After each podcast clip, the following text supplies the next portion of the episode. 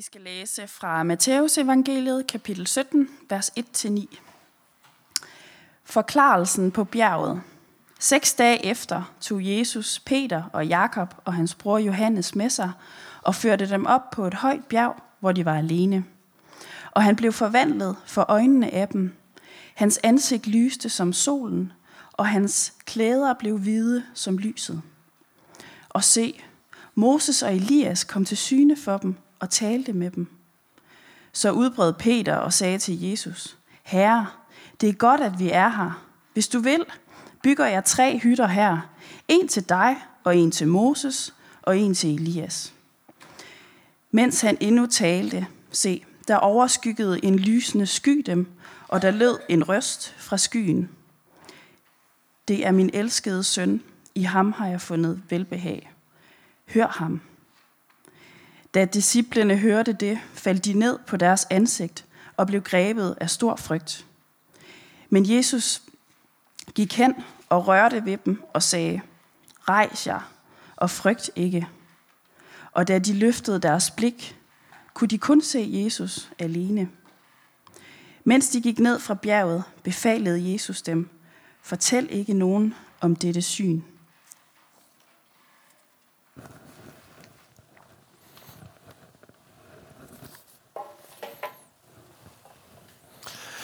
Ja, øh, vi skal lige øh, starte med at forstyrre på de benspænd der, vi har til i dag. Som sagt, så har det i dag været øh, menighedens opgave. Der har været åben forslagskasse. Øh, alle kunne byde ind med noget, og det, det er der cirka lige så mange, som jeg kunne få til at passe ind, der har gjort. Nogle af dem har været sådan lidt indbyrdes modstridende, så derfor så har jeg lige været nødt til at tilpasse lidt og indgå nogle kompromiser, både for min og for jeres skyld. Øh, øh, benspænd i dag, de lyder, ingen citater, der ikke er fra Bibelen. Øh, der skal indgå en nyhed fra ugen fra DR eller TV2, Øh, og der må jeg simpelthen bare lige krybe til korset med den her og sige, det, det er simpelthen ikke lykkedes mig. Øh, det, var, det var simpelthen for svært at få den her tekst til at passe ind med noget som helst, der var sket i løbet af ugen øh, på DR eller TV2. Øh, så skal jeg bruge ChatGPT live i prædiken og citere ordet for den. Der må ikke sige ja uden naturlig betydning. Jeg tænker, der kan man måske bare lige sådan lave en note for sig selv i dag, hvis, hvis jeg gør det. Man behøver ikke råbe højt. Øh, og så kan man fortælle mig bagefter, hvis jeg kommer til at gøre det alligevel. Og så er der spørgsmål fra salen til sidst. Den er også lidt, kompromis, øh, den er også lidt sådan, øh, tilpasset. Egentlig var det meningen, som sagt, at hele prædiken skulle være spørgsmål. Og så skulle den egentlig bare lige indledes med, at jeg havde lavet en sang øh, om Guds rige på melodien fra, da jeg er så glad for min cykel. Øh, øh, ja, det var sådan her, det blev. Og øh, der har jeg lige taget nogle benhårde beslutninger. Sådan. Gang med dagens tekst. Øh, jeg synes, den er mega irriterende den er, den er sådan, sådan lige lidt for mirakuløs på en eller anden måde. Sådan lidt for meget out of this world, øh, til at man egentlig sådan kan bruge den til noget. Og, og det er selvfølgelig lidt mærkeligt at sige om en tekst fra Bibelen, hvor der er fyldt af sådan nogle beretninger.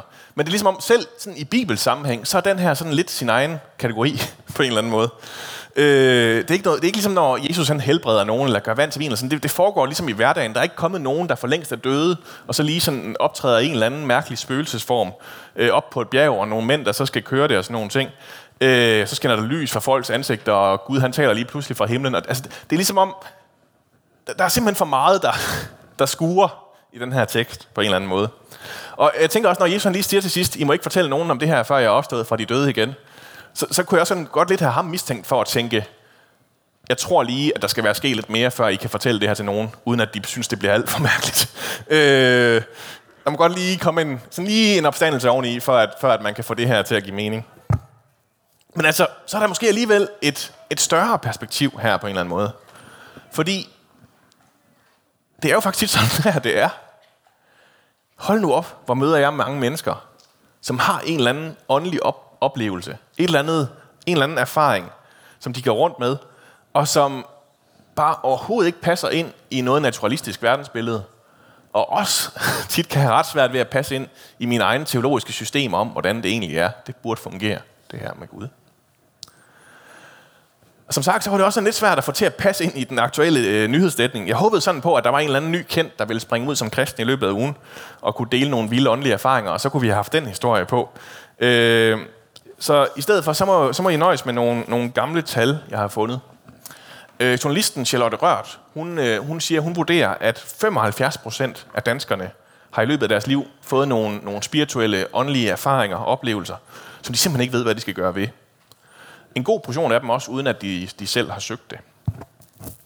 Jeg øh, kunne godt have, synes, selv synes, jeg mest hører til i de sidste 25 procent, og at det tal det burde sådan lige måske være lidt højere. Men, men hun har jo ret i sin grundpræmis. Det her, det sker langt oftere, end man skulle tro. Øh, specielt når man, øh, når man for eksempel er blevet præst, og man bare har en, en, en masse mennesker, der betror en, hvad de har oplevet, så kan man godt se, at det er faktisk ret højt, det her tal. Øh, jeg kom lige i tanke om øh, i, i morges her, øh, lige om lidt, så har vi jo krop, sind og ånd øh, hvor vi er ude på den her messe med alle mulige øh, aura og øh, øh, folk, der kan noget ved siden af, øh, altså alle mulige ting ved siden af, og så står vi der og tilbyder folk at bede en helt almindelig kristen bøn for dem. Øh, og min yndlingshistorie derfra, det er, jo, det er jo altid det der med, at øh, der, der var sådan et år, hvor håndlæseren, hun blev ved med at læse i folks hænder, at de skulle komme over til os at blive bedt for. Øh, altså sådan, jeg ved simpelthen ikke lige, hvor jeg får det til at passe ind øh, i det henne. Øh, ja. Nogle gange så har jeg siddet i mine, mine sådan, folkekirkepræste supervisionsgrupper, og øh, så selvfølgelig anonymiseret og øh, øh, fortroligt videregivet nogle af de her sådan, fortællinger, jeg har fået fra folks liv. Øh, og, og, og jeg, jeg sidder sådan selv og føler mig mærkelig bare ved at dele dem. Og, øh, så var der heldigvis en af, en af dem, der sagde sådan en lidt forsigtig præst, som, som ikke lige ellers har tænkt, jeg havde en masse til fælles med, som, som så siger, at du, du møder altid sådan nogle spændende mennesker, Pelle. Øh, ja. Charlotte Røgert, hun sætter ord på det her med, at, at det er egentlig ret akavet at få sådan en, en erfaring. Fordi på den ene side, så er det jo sådan en oplevelse, som man normalt vil have brug for at dele med en masse mennesker. Øh, man har simpelthen lige brug for at, at få sagt det højt og se, om der er nogen, der kan, der kan genkende det her. Og på den anden side, så står man jo der og kan simpelthen ikke forestille sig, at der er nogen, der overhovedet vil kunne det. Øh, simpelthen ikke tro på, at man vil blive taget seriøst. Øh, øh, og, og har måske også prøvet at få bekræftet, at, at det gør man ikke. Man bliver ikke taget seriøst, hvis man deler sine, sine mærkelige åndelige erfaringer. Man kan selvfølgelig også hurtigt selv gå og komme lidt i tvivl om, når nu det der møde, man har, om det så er med Elias eller Moses, eller hvad det nu er, øh, det ikke rigtig stemmer med noget som helst andet, man ellers har prøvet. Øh, og det er jo ikke, fordi der ikke er en reel risiko for, at, at der også kan være noget psykisk, der spiller ind på en eller anden måde. Men lige meget, hvor det kommer fra, så står den der oplevelse altså tilbage. Øh, inden jeg blev præst i Aarhus Valgmen- øh, Skoven Aalborg Valgmenighed, så fik jeg lov at møde en del af, af dem, jeg indsamlede historie om. Øh, øh, jeg fik jeg lov at møde en del af dem, fordi jeg indsamlede historier om at, at møde Gud. Øh, fordi at øh, jeg arbejdede i organisationen FC, og vi skrev sådan en, en, en uddelingsbibel, altså sådan en ny testamente. Og i den, så er der så sat ind nogle erfaringer af øh, folks forskellige mærkelige åndelige oplevelser. Øh, alt fra efterskoleeleven Rasmus, som, øh, som ligger i koma efter et fald, og der i sådan en drøm oplever Gud og Jesus, der kommer og møder ham og fortæller ham noget om hans liv, og som simpelthen bare må begynde at tro på Gud på den anden side af det, da han vågner op igen. Til Marie, der efter et alt for hårdt liv, en dag lige pludselig står derude en aften, og kan mærke sådan en lys og en fred gennemstrømme hende, og, og kan mærke, at der er noget, der har været der hele tiden, som fortæller hende, at, at, at det faktisk er godt nok, det hele. Til Daniel, der har været ude i misbrug og forskellige ting, og øh, så en dag bliver jeg inviteret med i kirke af en eller anden random type, og bliver dybt berørt af det hele, kan mærke, at der er noget her. Øh, jeg vil jo gerne citere og sådan nogle ting for her, men, men det, det må jeg ikke. Øh, ja. Øh, vi har faktisk skrevet dem ind på siderne i selve Bibelen, så det var sådan lige hvad jeg tænkte, så kunne det godt være, at det kunne gå alligevel. Øh, men det har vi gjort, fordi at, at vi sådan egentlig sætter dem sådan parallelt med, når Josef han får sin drøm fra Gud, så har jeg sat Rasmus ved siden af for at vise, at de her ting, vi hører om i Bibelen, de her random ting, det er faktisk ikke slut med dem endnu. De sker stadigvæk rundt omkring. Det vrimler med den her slags historie, med de her vilde oplevelser. Øh, de var super nemme at finde, og øh, øh, det, det var hurtigt at fylde den bibel op, så jeg var sådan nødt til sådan lige sådan, tænkte, jeg må også lige sådan balancere det lidt, så smed jeg mit eget kedelige vidnesbyrd ind sådan ved siden af, så lige at give plads til resten af, af os 25 procent, som ikke lige har den der vilde åndelige erfaring. Øh, og så er jeg jo blevet præst her i kirken siden, og har fået mange flere af de her øh, fortællinger fra jer, også store og små. Jeg har ikke spurgt om lov til at dele dem, så det gør jeg ikke nu. Øh, men jeg, jeg har stadigvæk til gode at møde nogen, der har mødt Moses og Elias øhm, jeg kan også sagtens være i tvivl og finde på gode grunde til, at de her historier, de ikke skulle holde. Men, men det bliver simpelthen svært med dem alle sammen. Der er bare for massiv en mængde. Så grundlæggende, så, så har jeg egentlig bare besluttet mig for, at øh, jeg er præst, og når folk de kommer til mig med de her historier, så vil jeg tage dem seriøst. Når de betror mig nogle af deres inderste erfaringer, så er det værd at lytte til. Øh, det modsatte skal i hvert fald være bevist, for at det ikke er tilfældet. Og det er jo erfaringer, som har væltet op og ned på deres liv, som de grundlæggende mangler et sted at gå hen med. Der er ikke nogen steder, hvor man kan gøre det, og som de ikke ved, hvordan de skal komme videre fra. Hvad gør jeg nu? Og så er vi jo egentlig lidt ved at være tilbage ved dagens hovedperson, øh, som jeg tænker er Peter. Øh, Peter, som, som efter at have oplevet det her, øh, som han heller ikke ved, hvad han skal gøre med, hvis første reaktion det er, at han må hellere bygge nogle hytter på bjerget, øh, og prøve at få Jesus med på den idé, ikke også? Men det er som om, at han ikke engang rigtig sådan lige når at forklare, hvad det er, han gerne vil gøre, inden der kommer en ny afbrydelse, inden at der lige pludselig bliver brudt igennem i en sky fra himlen, og Gud han taler. Øhm, og igen efterlader dem der, uden sådan helt at vide, hvad det er, de skal gøre ved det. Øh, de ligger bare ned på jorden, fordi at de er blevet så mega bange, at de ikke ved, hvad de ellers skal gøre. Og så går Jesus hen, og så rører han ved dem. Lige noget fysisk kontakt, så de kan mærke, at de er faktisk stadig på jorden. Jesus han er der stadigvæk sammen med dem. Så hjælper han dem med at få sig rejst igen. Uden frygt, siger han til dem. Og øh, så er alle de der mærkelige personer, alle de der tordenskyer, de er væk igen. Og det eneste, de kan se, står der i teksten, det er Jesus.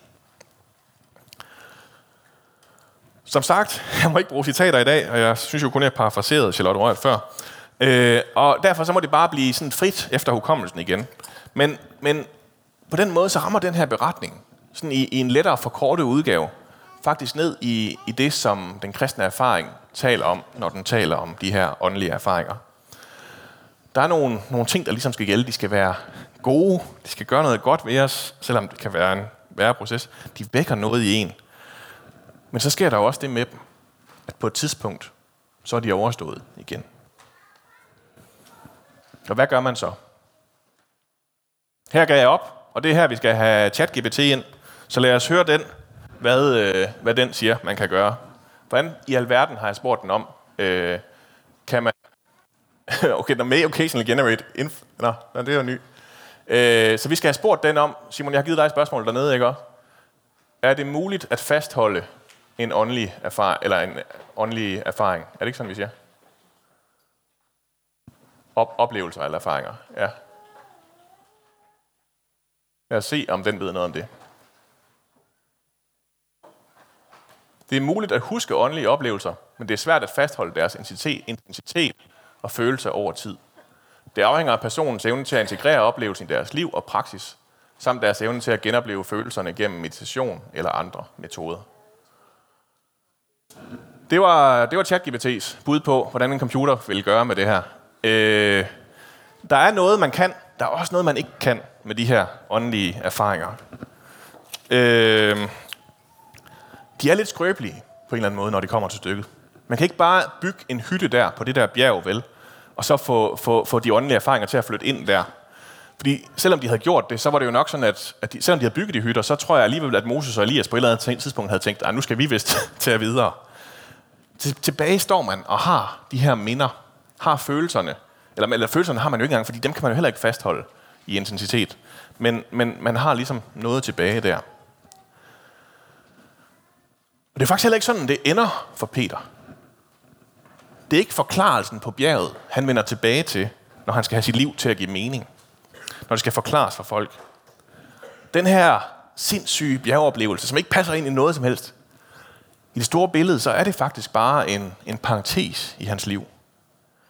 For det helt store vendepunkt, det der hele står og falder med, det er stadig ikke kommet endnu på det her tidspunkt. Når han skal fortælle, hvad det er for et menneske, han er, hvad, hvad det er, han sætter pris på i sit liv, så siger han sådan her i sit første Peters brev. Han siger, lovet være Gud, hvor Herre Jesu Kristi far, som i sin store barmhjertighed har genfødt os til et levende håb, ved Jesu Kristi opstandelse fra de døde, til en uforgængelig, ukrænkelig og uvisnelig arv, der ligger gemt i himlene til jer. Det er altså Jesu død og opstandelse, der er det interessante. Det er det, det hele står og falder med. Ikke hans oplevelser eller hans minder om hans oplevelser. Ikke at de ikke var gyldige eller de ikke var vigtige, men der er brug for mere end det, for at det bærer. Øh, som han kalder det, øh, vi får der i Jesu opstandelse, det er, det er et levende håb, kalder han det. En uforgængelig og ukrænkelig og uvisnelig arv. Selv uh, ChatGPT, den ved godt, at, at, at de der åndelige oplevelser, de der minder og følelser, de, de visner og forgår på et eller andet tidspunkt. Men det gør det her levende håb altså ikke. Længere nede så fortsætter Peter og siger sådan her om Jesus. Ham elsker I, uden at have set ham. Ham tror I på nu, uden at se ham. Men I skal juble med en uudsigelig forklaret glæde, når I kommer frem til troens mål, jeres sjæles frelse. Peter han er også så fræk, at han siger til alle os andre, at den her tro, den kan faktisk godt leve, uden at man selv har set og oplevet den her opstandelse. Forklaret det er ikke noget, man har oplevet en gang. Det er også noget, man kan, kan glæde sig til. Det er noget, man kan se frem til. Peter og alle mulige andre, de har offret alt for at give det her videre til os andre, fordi det var så vigtigt, fordi de havde været sammen med Jesus og tænkte, at det skulle alle vi andre også have lov at være en del af. Nu øh, er jeg ved at være færdig, og det er lidt irriterende, ikke også, stadigvæk, at det er sådan her, det fungerer. Lidt irriterende, at man ikke kan gennemskue, hvordan de der oplevelser, de lige bliver fordelt. Irriterende, at det ikke er, at det er dem der, der får dem, og ikke dem der. Og man skal stå og finde ud af, hvis man så har fået dem, så er det irriterende, at man skal finde ud af, hvad alverden man så gør ved dem. Øh, den her vanvittige oplevelse af, om at finde, og, og, så skal man finde ud af, at man nogensinde kan betro den til nogen også. Øh, og det var simpelthen der, at, øh, at jeg havde øh, noget at sige i dag til. Spørgsmålet er nu, om hvorfor i alverden det, hvad, hvad det er, vi gør med alle de her oplevelser. Øh, og øh, ja, det er simpelthen en øh, åben øh, session for nu. Øh, måske der er nogen, der har lyst til at, at, at dele en erfaring, eller øh, dele øh, noget med os om det. Øh, man kan komme op og sige noget i mikrofonen. Man kan også bare lige stille et forsigtigt spørgsmål ned for rækkerne. Øh, og så må vi se, om øh, jeg har noget at sige til det.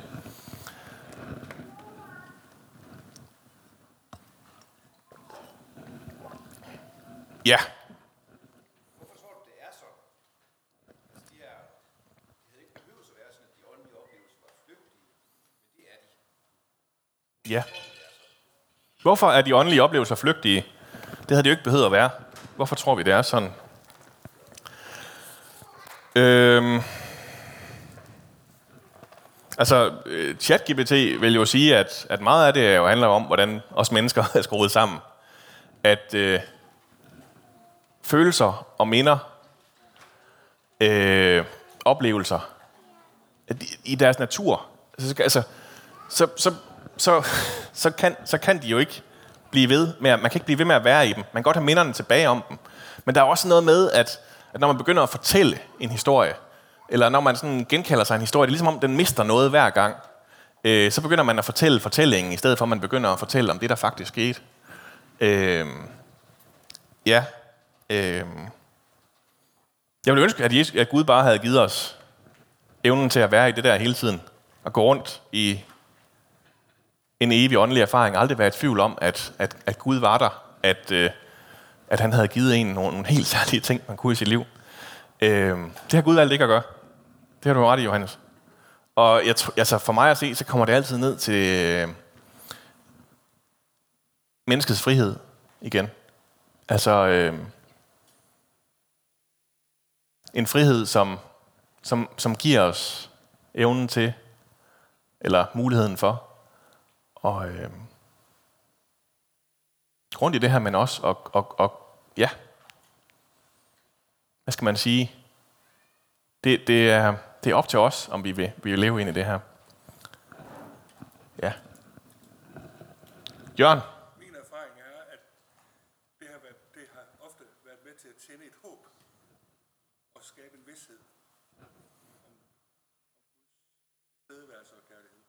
Ja, så Jørgen han siger, at når han får åndelige erfaringer og åndelige oplevelser, så giver det ham en, et håb og en vidshed om Guds tilstedeværelse og Guds kærlighed. Jeg er med til at skabe det. Øh, altså det bliver simpelthen gentændt på en eller anden måde. og, og, og, og det svinder også ud igen. Men, men det her levende håb, det er jo ikke sådan en... Det, det skal jo ikke være sådan en tør teoretisk størrelse, der skal stå på sin egen lille hylde, og så kommer man ned i kirken om søndagen, og så får, får man fortalt af præsten, hvad der er rigtigt, og så går man hjem igen. Øh, altså, det her håb, det, det er jo noget, som vi faktisk også har mulighed for at søge og opleve og, og gå ind i. Øh, man kan for eksempel søge forbøn, eller man kan møde det i nadvaren, eller man kan møde det i en eller anden bønnestund derhjemme, eller til en eller anden kæmpe stor konference. Øh, og, øh, og så tænder det noget i en. Det der håb, det bliver lidt, lidt levende igen. Det er også noget af det, der er med et levende håb. Øh, det har sit eget liv. Øh, og øh, så siger man bare Gud tak, når man får lov at få sådan en, en ny oplevelse igen. Joachim. Er der nogen sådan nedre grænse for, hvad man kan kalde en åndelig tilskyndelse? Altså, jeg synes, jeg skulle dreje til venstre her, eller jeg har lyst til at spille den akkord, eller jeg har lyst til det citat, eller altså, hvor, hvor er der det? Er der en nedre grænse for, hvornår man kan kalde noget for en åndelig erfaring? Øh, nej, selvfølgelig er der ikke det, og hvis der ikke er det, så er jeg helt klart også på de 75 procent. Øh, øh, jeg har, jeg har det jo sådan med, for eksempel med mine, mine, mine prædikenskrivninger der, det er, jo, det er jo sjældent, jeg mærker rigtigt noget i det. Øh, sidder der og slår sig med teksten hele ugen, og synes ikke, det giver mening, og hvad er det for noget, det her? Og, og så sker der jo så normalt det, at der, der dukker et eller andet op alligevel, og man kører ud af en eller anden retning og prøver lidt at skrive her og se, om der sker noget ved det. Og så er testen, der jo hver søndag. Gav det faktisk mening, det jeg sagde? Har Gud talt til mig eller ej? Øh, Øh, og den går jo så videre i næste led til jer. Øh, talte Gud overhovedet noget til mig igennem det, Pelle sagde nu. Og øh, øh, nogle gange så er det jo bare den der lille, nå ja. nogle gange så, så er det den der, hvor man er sådan lidt tænker, var det mig selv, der fandt på, at jeg skulle dreje til højre her, eller var det Gud, der sagde det til mig? Øh, og, og igen, alle de situationer, så står vi, og vi har ikke sådan en, et, et facit, et sted, vi kan ikke slå op og se, var det Gud, var det mig selv? så er det jo et spørgsmål om, hvordan man gerne vil leve sit liv. vil man gerne leve sit liv som den, der selv styrer det hele og har styr på det hele tiden? Eller, øh, eller er det faktisk okay, at, at der måske er noget, Gud gør en gang imellem, selvom jeg ikke er helt sikker på det eller ej? Ja. Var det, har vi et sidste spørgsmål? Helena har et sidste. Ja?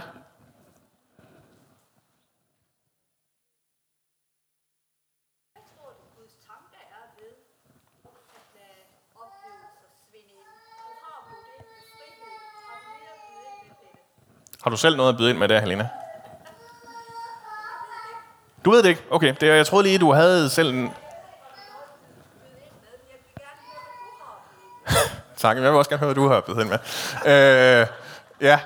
Øh, hvorfor i alverden øh, er det sådan, det er? Frihed, er der, der må være mere end det i det, øh, hvis det er. Nej, nej, det, det, jeg, jeg, ja, jeg kan godt være, at jeg skal parafrasere lidt mere. Øh, altså, Helena spørger om, øh, hvorfor i alverden skal det være sådan her? Hvorfor skal det være flygtigt? Øh, hvorfor skal de komme sådan i en eller anden øh, system, man ikke kan gennemskue, øh, når, når Gud vil, og ikke når vi selv føler, at vi har brug for det? Øh, ja. Der har jo været lidt sådan et tema i Trinitatis. Elisabeth har måske lige et bud også der på den.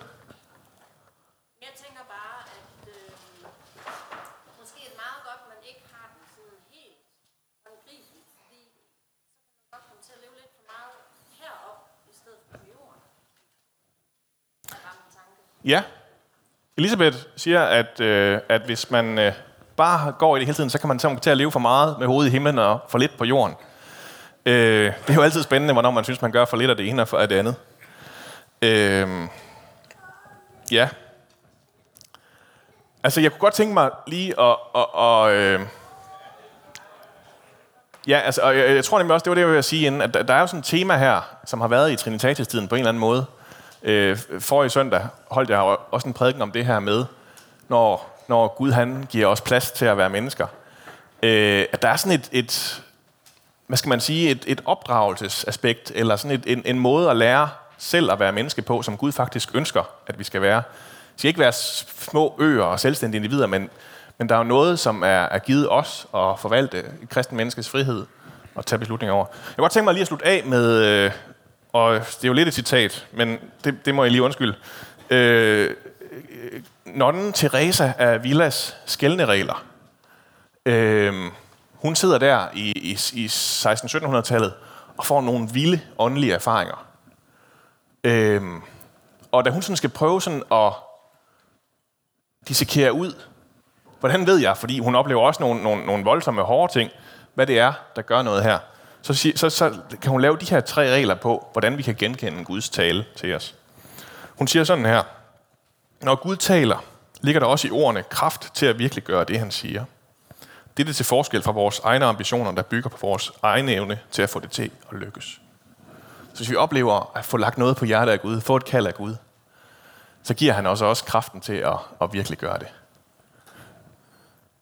Når Gud taler, føler det fred i menneskets indre, føder det fred i menneskets indre, og en spontan lyst til at bede og takke Gud. Alternativet fører til træthed, skyld osv. Det giver fred. Det er det vigtige, der er at sige her. Det giver tak til Gud. Det giver ikke bare en vores eget projekt, som vi alligevel ikke rigtig kan få til at lykkes alligevel, og som vi bare har dårlig samvittighed over. Og den tredje, og det, der går hun jo lidt imod det, jeg lige har sagt. Når Gud taler, bliver ordene i hukommelsen.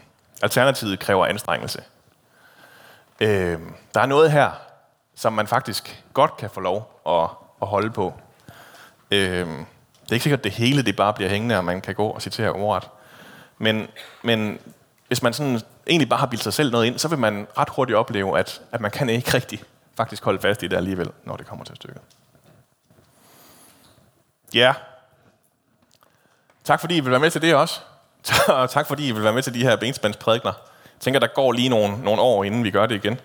Øh, øh, jeg, vil, jeg vil bede øh, her.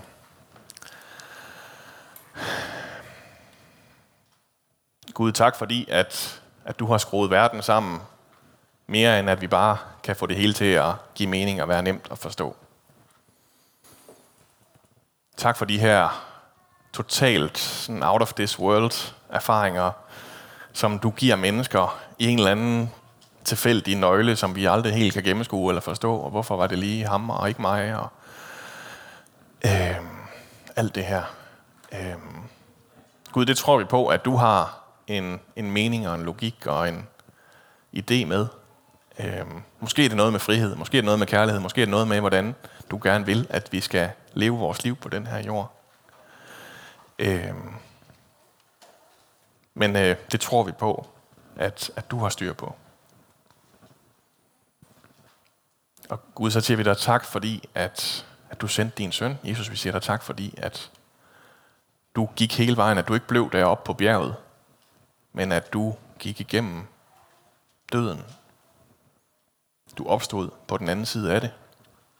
Og i det så har du givet os en uforgængelig, ukrænkeligt, uvistligt, levende håb, øh, som, som bygger på det, som ikke bygger på det, vi selv lige kan mane op, eller konstruere, eller minder, eller følelser, eller kloge idéer og tanker, men på, at du har givet os dig selv.